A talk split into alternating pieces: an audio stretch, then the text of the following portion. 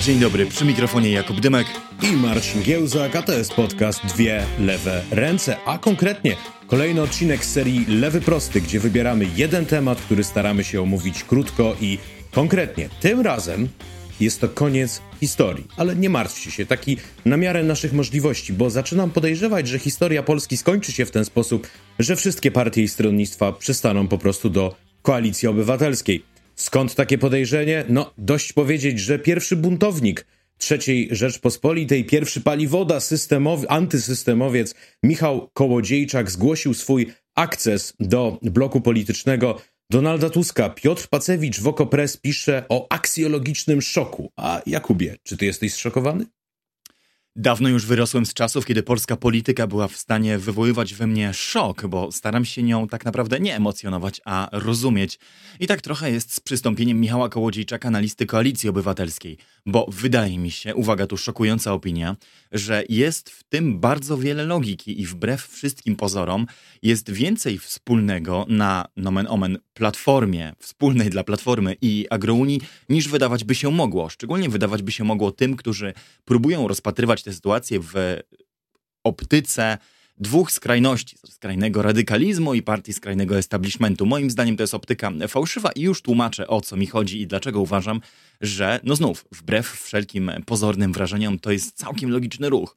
Otóż dlatego, że y, Agrounia nie reprezentuje, nie jest jej wyborczą bazą, ani nie jest siłą napędową stojącą za Agrounią biedny, wykluczony, y, małorolny chłop, gdzieś żywcem wyjęty z takiego stereotypu o przełomie lat 80. czy 90., ale zamożny, nowoczesny przedsiębiorca rolny czy spożywczy, któremu tak naprawdę bliżej jest do y, wolnorynkowej i indywidualistycznej retoryki Platformy Obywatelskiej niż na przykład do y, lewicy. Co więcej, jeżeli ktoś oglądał konwencję Agrounii i słuchał uważnie Michała Kołodziejczaka, to mógł usłyszeć tam, że tak naprawdę założycielski mit, do jakiego odwołuje się Kołodziejczak, to polski dobrobyt zbudowany ciężką pracą polskich przedsiębiorców przez 30 lat trzeci RP, który niweczy władza Prawa i Sprawiedliwości. Stąd naprawdę nie jest daleko do tego, co na swoich konwencjach mówi Donald e, Tusk, nie wiem, e, Grzegorz Schetyna, Katarzyna Lubnauer czy e, Radosław Sikorski albo ktokolwiek tam inny jeszcze mości się wygodnie na listach KO. Dalej, e, Kołodziejczak e, też bardzo mocno odwołuje się do e, takiego języka sprawczości indywidualnych właśnie przedsiębiorców, ludzi, którzy wiedzą, co dla nich dobre i potrafią solidnie gospodarować, tylko przeszkadza im w tym zła władza. Znów nic absolutnie, czego nie usłyszelibyśmy na konwencji Platformy Obywatelskiej, ale jest coś ważniejszego, bo tak naprawdę w Polsce brama do mainstreamu i akceptacji przez mainstream wiedzie przez wypowiedzenie magicznych sześciu słów. Te słowa to najpierw trzeba odsunąć PiS od władzy. I w tym sensie... Podałeś Pols... tą elegancką wersję. to prawda. I w tym sensie nie ma e, żadnych przeszkód, żeby w głównym nurcie polskiej polityki znalazł się Michał Kołodziejczak, skoro może tam się znaleźć inny Michał Kamiński albo Roman Giertych i ktokolwiek, kto powie, że najważniejsze, co trzeba zrobić, to odsunąć e, PiS od władzy, a o wszystkim innym porozmawiamy po wyborach. Michał Kołodziejczak to powie i dlatego może znaleźć się w głównym nurcie, a nie powie tego na przykład Adrian Zandberg, czy e, Agnieszka Dziemianowicz-Bąk, czy Paulina Matysiak i dlatego w tym głównym nurcie się nie znajdą choćby bardzo się starali. I tu ta tajemnica po części zostaje wyjaśniona. Otóż y, pole do porozumienia, jakim jest antypisizm i stwierdzenie, przekonanie, że trzeba odsunąć od władzy obecnie urzędujących, tworzy dużo większe pole porozumienia między Platformą a Agrounią. To oczywiście nie jest argument jedyny i ostateczny, jest ich jeszcze kilka odwołujących się do samego programu, do których jeszcze w tym odcinku, jak sądzę, przejdziemy. W mediach głównonurtowych pojawiła się przy tej okazji jeszcze jedna narracja, mianowicie Donald Tusk gra wabank. Donald Tusk bierze na siebie ogromne ryzyko i muszę powiedzieć, że tu z kolei ja muszę się nie zgodzić z dominującym dyskursem, bo kompletnie nie widzę ani tej pokerowej zagrywki, ani tego ryzyka. No bo z jednej strony mm, o co miałby się bać? O elektorat? Elektorat e, Koalicji Obywatelskiej jestem e, o tym przekonany, trudno zniechęcić i są w stanie przełknąć mniej więcej wszystko. Tak samo z aktywem partyjnym, który ponarzeka, ale ostatecznie zrobi co należy, tak samo wreszcie z otoczeniem medialnym. Kolejna sprawa, to się rymuje z tym, o czym mówiłeś, antypisizm czyni demokratom, a w takich warunkach Michał Kołodziejczak i jego ludzie stają się nie tylko, że tolerowalni, oni stają się niezwykle cennymi sojusznikami, ponieważ Kołodziejczak tak się odezwie do Jarosława Kaczyńskiego na konferencji prasowej, tak się odszczeknie młodemu działaczowi PiSu, który będzie chciał ją przerwać, jak Bartłomiejowi Sienkiewiczowi, e, czy nie jednemu innemu e, z tuzów Platformy Obywatelskiej, może by nie wypadało, chociaż wiemy, że ta kategoria wypada, nie wypada, traci na znaczeniu, a więc silni razem, którzy w tym momencie obserwują poczynania Kołodziejczaka od momentu, kiedy zgłosił on akces do Koalicji Obywatelskiej, raczej pieją z zachwytu. To jest człowiek, który umie dać tym pisowcom jedyną odpowiedź, którą oni e, rozumieją. Kolejna sprawa. Gdyby Tusk naprawdę myślał w kategoriach ryzyka, może tak myślał, to moim zdaniem raczej powinien obawiać się najgorszego scenariusza e, z agrounią w tle, to znaczy, że Michał Kołodziejczak i Marek Materek, z którym do tej pory Kołodziejczak i Agrounia byli sprzymierzeni, no ale ten sojusz nie może przeżyć mm, akcesu do koalicji obywatelskiej, a to z tego prostego powodu, że Materek był swego czasu działaczem terenowym Platformy Obywatelskiej w Starachowicach, który chciał być nazbyt niezależny i z woli samego Donalda Tuska został usunięty z partii, no a kogo Tusk z partii wyrzucił, dlatego już powrotu zapewne nie ma powrotu ani do partii, ani na listy wyborcze, a zatem porozumiewając się z Tuskiem, wchodząc z nim w alians, musiał jednocześnie Kołodziejczak wypowiedzieć alians Materkowi, ale załóżmy, że zostaliby oni w jednym obozie i że wykręciliby wynik w miarę przyzwoity. 2%, 2,5%, 3%. To nie byłoby źle jak na takich zupełnych e, outsiderów, no ale byłoby słabo pod jednym względem. Mianowicie zabraliby oni te głosy opozycyjne pod próg. A że, jak wiemy, królem polskiej polityki jest Dont, no to stanęłoby na tym, że najpewniej wspomogłoby to PiS. To jest scenariusz, którego Tusk mógłby się realnie obawiać. A czego może się obawiać teraz, mając Kołodziejczaka na listach? Według mnie nie gniewnego wierzgnięcia e, swojego aktywu, swojego elektoratu czy swojego otoczenia medialnego. Może się obawiać tego, że ten elektorat buntu i protestu Kołodziejczaka stopnieje, no bo co to za antysystemowiec, który startuje z list Platformy Obywatelskiej? No i może się wreszcie obawiać tego, że pozyskał bardzo niepewnego sojusznika. W Sejmie, w którym trzeba będzie liczyć się z każdą szablą, z każdym głosem, bo tak może wyjść po tych wyborach, Michał Kołodziejczak, który już rozmawiał i z Robertem Bąkiewiczem, i z Janem Zygmuntowskim, i z Magdaleną Sroką, i z Markiem Materkiem, e, który chciał mm, e, być samorządowcem PiSu, a teraz chce być posłem Koalicji Obywatelskiej, wydaje się być strasznie niepewną szablą. Być może, ale skoro obiecałem, że przejdziemy jeszcze do zagadnień programowych i tego, gdzie na płaszczyźnie realnych interesów może być zbieżność między bogatym, e, zamożnym e, przedsiębiorcą rolnym czy spożywczym, e, a koalicją obywatelską, która, no, jak wiemy, na wsi czy na prowincji szczególnie mocna nie jest, to tych punktów jest więcej. Otóż z punktu widzenia dużego biznesu rolnego w Polsce dzisiaj, Rosja to nie jest wróg, a sankcje na Białoruś i Federację Rosyjską i zamknięcie handlu czy granic z tymi krajami w ogóle nie jest stanem, pożądanym stanem rzeczy. Przeciwnie, w optyce dużego przedsiębiorcy rolnego z Polski Białoruś i Rosja to jest miejsce, skąd importuje się nawozy, a gdzie eksportuje się e, swoje e, produkty, gdzie eksportuje się meble, gdzie eksportuje się no właśnie, y, produkty spożywcze i generalnie z, kraj, z którym się także handluje. Białorusini to są ludzie, którzy przyjeżdżają do pracy. Lepiej, żeby ta granica była otwarta, nie było sankcji. Nasz na... najlepszy klient, krzyczał Michał Kołodziejczyk. Y, otóż to. I tak samo w interesie y, polskiego, polskiego biznesu rolno-spożywczego nie jest strategia pod tytułem Wszystko dla Ukrainy. Strategia Ukraina First, którą w jakimś sensie zdaje się wcielać w życie rząd Prawa i Sprawiedliwości. Otóż dla nich Ukraina e, nie jest w pierwszym szeregu państwem, które broni europejskiej wolności demokracji na całym świecie i niesie e, kaganek e, oświecenia całemu Zachodowi, który zgnuśniały, musi obudzić się, by dostrzec wielkie ukraińskie posłannictwo i swoją demokratyczną przyszłość. Nie, dla nich Ukraina jest przede wszystkim krajem, który, gdy dopuści się go do wspólnego europejskiego rynku, będzie konkurentem. Jak ukraińskie koncerny, a właściwie często koncerny y, pracujące w Ukrainie, należące do wielkich amerykańskich y, sieci czy marek, są realnie i bezpośrednio y, jasną konkurencją dla polskiego sektora spożywczego, co w jakimś sensie oczywiście dobitnie i jednoznacznie pokazała afera zbożowa, ale nie tylko o zboże, ale także i o nabiał, E, czy owoce i wiele innych rzeczy, słodycze, tu chodzi. I znów, e, nie ma w takim razie wielkiego zdziwienia, że ludzie, którzy stoją za Agrounią, mogą widzieć swoją nadzieję w Platformie e, Obywatelskiej czy w przyszłych rządach opozycji, bo ta przyjmie w dziedzinie polityki zagranicznej bardziej pragmatyczną orientację niż ta romantyczno-idealistyczna orientacja prawa i sprawiedliwości, która nie jest w stanie w oczach wielu Polaków dziś zadbać po prostu o nasz narodowy interes, bo e, patrzy przez wszystko soczewką wojny w Ukrainie. Czyli nieco bliżej, tak można by się było domyślać, tego, co charakteryzuje główny nurt Unii Europejskiej, krótko mówiąc, nie wiem, czy teraz wpadamy w jakiś nieznośny stereotyp i powtarzamy tezy serialu Reset, ale że platform, polityka Platformy byłaby niejako bardziej niemiecka, w takim sensie, że bardziej nastawiona na własny interes ekonomiczny, aniżeli na pomyślność Ukrainy rozumianą jako zrobienie wszystkiego, co tylko możliwe, żeby wzmocnić jej e, wysiłek wojenny. Jeżeli jest tak, jak mówisz, no to oczywiście Platforma byłaby dla Agrounii ciekawym partnerem, ciekawszym zapewne niż PiS.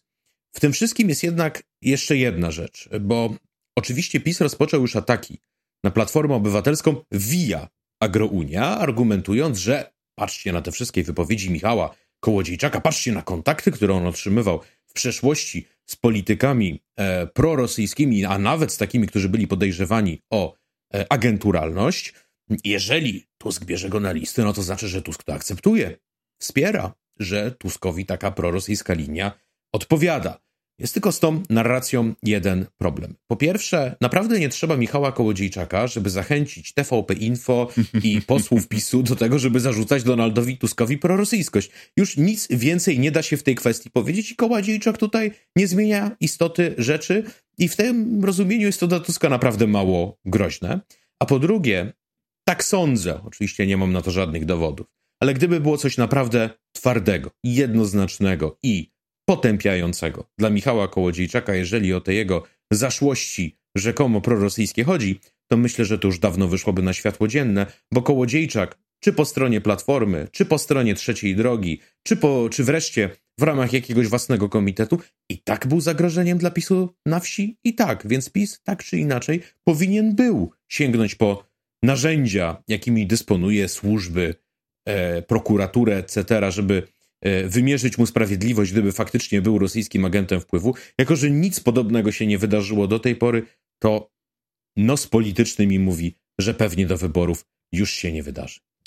Oczywiście nie powinniśmy przeceniać, przepraszam, nie powinniśmy przeceniać znaczenia agrounii, jeżeli chodzi o e, liczbę głosów, bo nawet niedawno, parę dni temu, e, Marcin Duma podzielił się wynikami z takiego badania Ibrisu, które wskazywało, że odsetek głosów, które Agrounia odbierała innym ugrupowaniom, no to się wahał maksymalnie od 5-9 e, promili do 1%. Stąd nie jest to, no, bo i sama Agrounia w sondażach, nawet tych najkorzystniejszych dla niej z trudem dobijała do tych 4 czy 5%. Więc tu nie chodzi wyłącznie o taką prymitywną wyborczą matematykę. O i nie. Moim zdaniem chodzi raczej o czytelny sygnał dla bardzo konkretnego sektora, o którym tutaj e, rozmawiamy i dużych pieniędzy, które za nim stoją.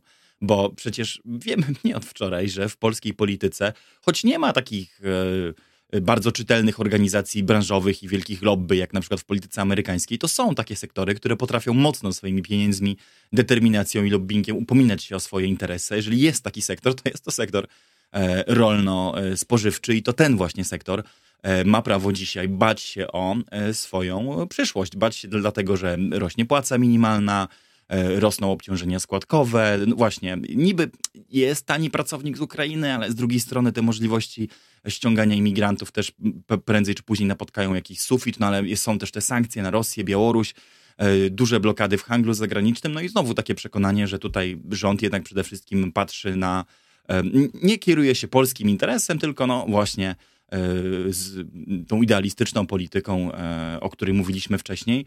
I ten sektor tutaj może się do Platformy przykleić, a w tym sensie Michał Kołodziejczak jest tylko pewną protezą, tak? Jest człowiekiem, który sygnalizuje, że e, branża rolno-spożywcza nie ma się czego bać, bo Znowu, Platforma Obywatelska w swoim nieskończonym pragmatyzmie i plastyczności programowej, że tak to ładnie ujmę, nie jest lewicą. Nie jest partią, która zacznie ludziom wydzierać kotleta schabowego z talerzy, która zacznie straszyć dużymi wyrzeczeniami, które musimy poczynić na rzecz klimatu. Nie będzie jak sądzę, proponowała własnej piątki dla zwierząt. Nie dlatego, że nie lubi zwierząt, ale, ale, właśnie dlatego, że widziała na własne oczy porażkę Jarosława Kaczyńskiego. Platforma też, jak znam życie, będzie szermowała oczywiście hasłami o ekologii, zielonym rozwoju i tym, że trzeba szanować środowisko naturalne, ale w praktyce na poziomie samorządów czy regionów nikt się tym e, ani specjalnie mocniej niż kiedykolwiek wcześniej przejmować nie będzie. I to wszystko znów są pewne sygnały uspokajające dla tych, którzy mają duże pieniądze, są związani z bra branżą rolno-spożywczą i mogliby chcieć w przyszłości, e, czy dzisiaj zastanawiają się, na kogo w przyszłości zagłosować, bo Prawo i Sprawiedliwość ewidentnie mogło im się, o, uwaga, śmieszny żart, przejeść.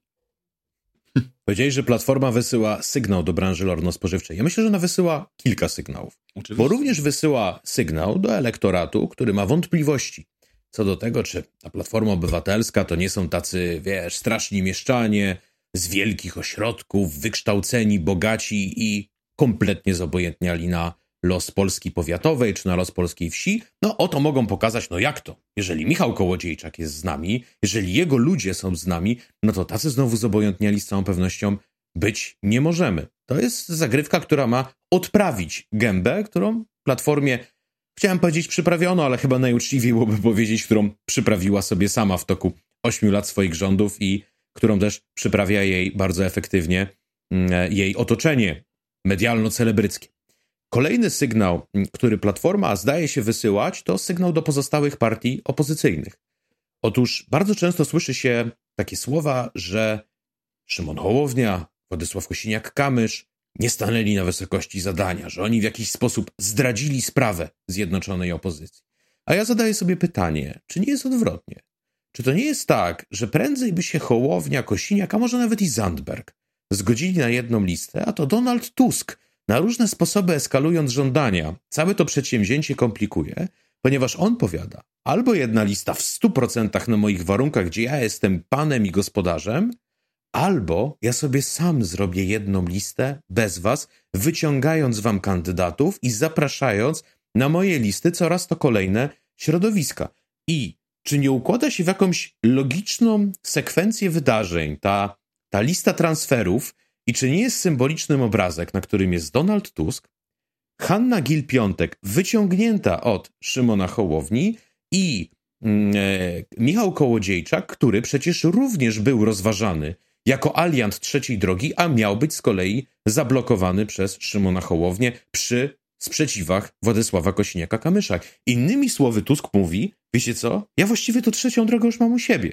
Ja mam swoją własną trzecią drogę i wobec pozostałych ludzi w trzeciej drodze zadaję pytanie i wobec ich elektoratu, czy jest sens głosować na tą trzecią drogę, przy której zmarnujecie głos. Tutaj tylko dziś kołaczy mi się w głowie jedno pytanie. A co będzie, jak on tym działaniem zepchnie tą trzecią drogę Kosiniaka i Hołowni poniżej progu 8% i na koniec wyląduje z tym, że PiS o włos wygra wybory w podobnej konfiguracji, jaka miała miejsce, kiedy pod próg zepchnięte zostało SLD i Palik. Wiesz, istnieje jakaś alternatywna rzeczywistość, w której Jacek Denel kandyduje z list Koalicji Obywatelskiej, a Michał Kołodziejczak list Lewicy. Ale nie żyjemy w tej alternatywnej rzeczywistości, żyjemy w tej, w której e, jesteśmy. No i e, powiem coś, co będzie pewnie zaskoczeniem, ale mam wrażenie, że Platforma Obywatelska ma za sobą dobry tydzień, bo pokazała się jako partia prawdziwie pluralistyczna, która jest w stanie łowić ponad e, partyjnymi etykietami, co więcej, łowić także ponad oczekiwaniami swoich najbardziej zagorzałych zwolenników. Innymi słowy, że przewodniczący Tusk myśli szerzej niż sięga wyobraz wyobraźnia mainstreamowych mediów i e, kibiców Platformy. W tym samym czasie e, lewica dla odmiany ujawniła się bardziej jako partia elitarystyczna i sekciarska. No, jeżeli na tym tle Platforma wychodzi jako prawdziwie pluralistyczny obóz, który jest atrakcyjny i dla polityków związanych wcześniej, no właśnie, z lewicą czy zielonymi, jak Hanna Gil-Piątek, czy totalnie pozycjonującymi się jako antysystemowcy, czy Michał Kołodziejczak, czy dla dawnych konserwatystów, co jest najmniejszym zaskoczeniem, czy po prostu dla celebrytów takich jak Bogusław Wołoszański czy Apoloniusz Tajner, no to okazuje się, że jest partią szerokiego, no właśnie taką, którą też zawsze Tusk chciał mieć tak naprawdę, tak? Partią prawdziwie szeroką, a która tłamsi inne e, stronnictwa właśnie tym, że jest trochę dla wszystkich i, i w jakimś sensie samą, samą swoją wielkością e, legitymizuje swoje prawo do bycia największą partią e, opozycji. Jest to moim zdaniem de, de facto spełnienie w jakim, w tych części tych marzeń o, o, o, jednej liście, no bo skoro, jak sam powiedziałeś, jest ona tak szeroka, no to e, nawet wybrzydzający sympatycy będą mogli znaleźć tam coś dla siebie, E, co, no cóż, dowodzi, tego, dowodzi tezy, o której rozmawiamy nie od wczoraj, że polska polityka, czy nam się to podoba, czy nie, a raczej się nie podoba, jest funkcjonalnie dwupartyjna, nawet jeżeli w teorii jest e, wielopartyjna. I życzyłbym tylko innym partiom, żeby potrafiły równie skutecznie e, poszerzać swoją bazę, a nie zamykać się w jednym gronie zdecydowanych i przekonanych to E, byłaby lekcja, którą i inne stronnictwa polityczne mogłyby wyciągnąć z tej, z, tej, e, z tego posunięcia Donalda Tuska, bo przecież wydawało się, że Michał Kołodziejczak jest toksyczny właśnie przez swoją antysystemowość i e, radykalizm wypowiedzi tak naprawdę będzie skazany na polityczny niebyt, bo nie przekroczy progu, a tymczasem okazało się, że stanowi pożądane polityczne aktywo. I tylko można zapytać, dlaczego zauważył to Donald Tusk i zbudował taką e, nieoczywistą koalicję, a nie zauważyli tego w porę inni. No i przy okazji cała Polska e, przypomniała sobie nazwisko Artura Balasza, e, niegdysiejszego akuszera e, koalicji samoobrony e, z PiSem i człowieka, który i był e, posłem z ramienia Platformy i kandydował na senatora z ramienia PiSu i był E, trzykrotnie ministrem w prawicowych rządach, od rządu mazowieckiego przez rząd Olszewskiego, wreszcie po rząd Jerzego Buzka skończywszy. E, dwa razy popierał na prezydenta Bronisława Komorowskiego, a raz Władysława Kosiniaka-Kamysza. Innymi słowy, polityk bardzo niezależny, jakby w cieniu, ale w tym cieniu, jak się okazuje, mogący całkiem dużo jeszcze ugrać. A z kolei Donald Tusk objawił nam się jako człowiek, który jest w stanie wejść za kimś do drzwi obrotowych i wyjść pierwszy – Pytanie tylko, czy te drzwi prowadzą go na Aleje Ujazdowskie. Przekonamy się za około dwa e, miesiące. Mówił to dla Państwa Marcin Giełzak i ja, Jakub Dymek, w podcaście Dwie Lewe Ręce odcinku z serii Lewy Prosty, w których omawiamy krótko, na ile to możliwe, ważną sprawę z minionego tygodnia. Dziękujemy wszystkim za wsparcie na patronite.pl ukośnik DLR, które umożliwia nam realizację tego i innych e, formatów. Dziękujemy, że z nami jesteście. A jeżeli podobał się Wam ten odcinek i chcielibyście więcej podobnych formuł i tego, żeby nasz program się rozwijał i byśmy mogli e, produkować dla Was więcej odcinków i nowe formaty, to zajrzyjcie pod ten adres i wybierzcie jeden z progów wsparcia, co będzie dla nas naprawdę dużym impulsem do rozwoju tego programu. W istocie. Dziękujemy bardzo za Waszą uprzejmą uwagę i widzimy się już niebawem w odcinku pełnowymiarowym na koniec tego tygodnia. Dzięki i do zobaczenia niebawem.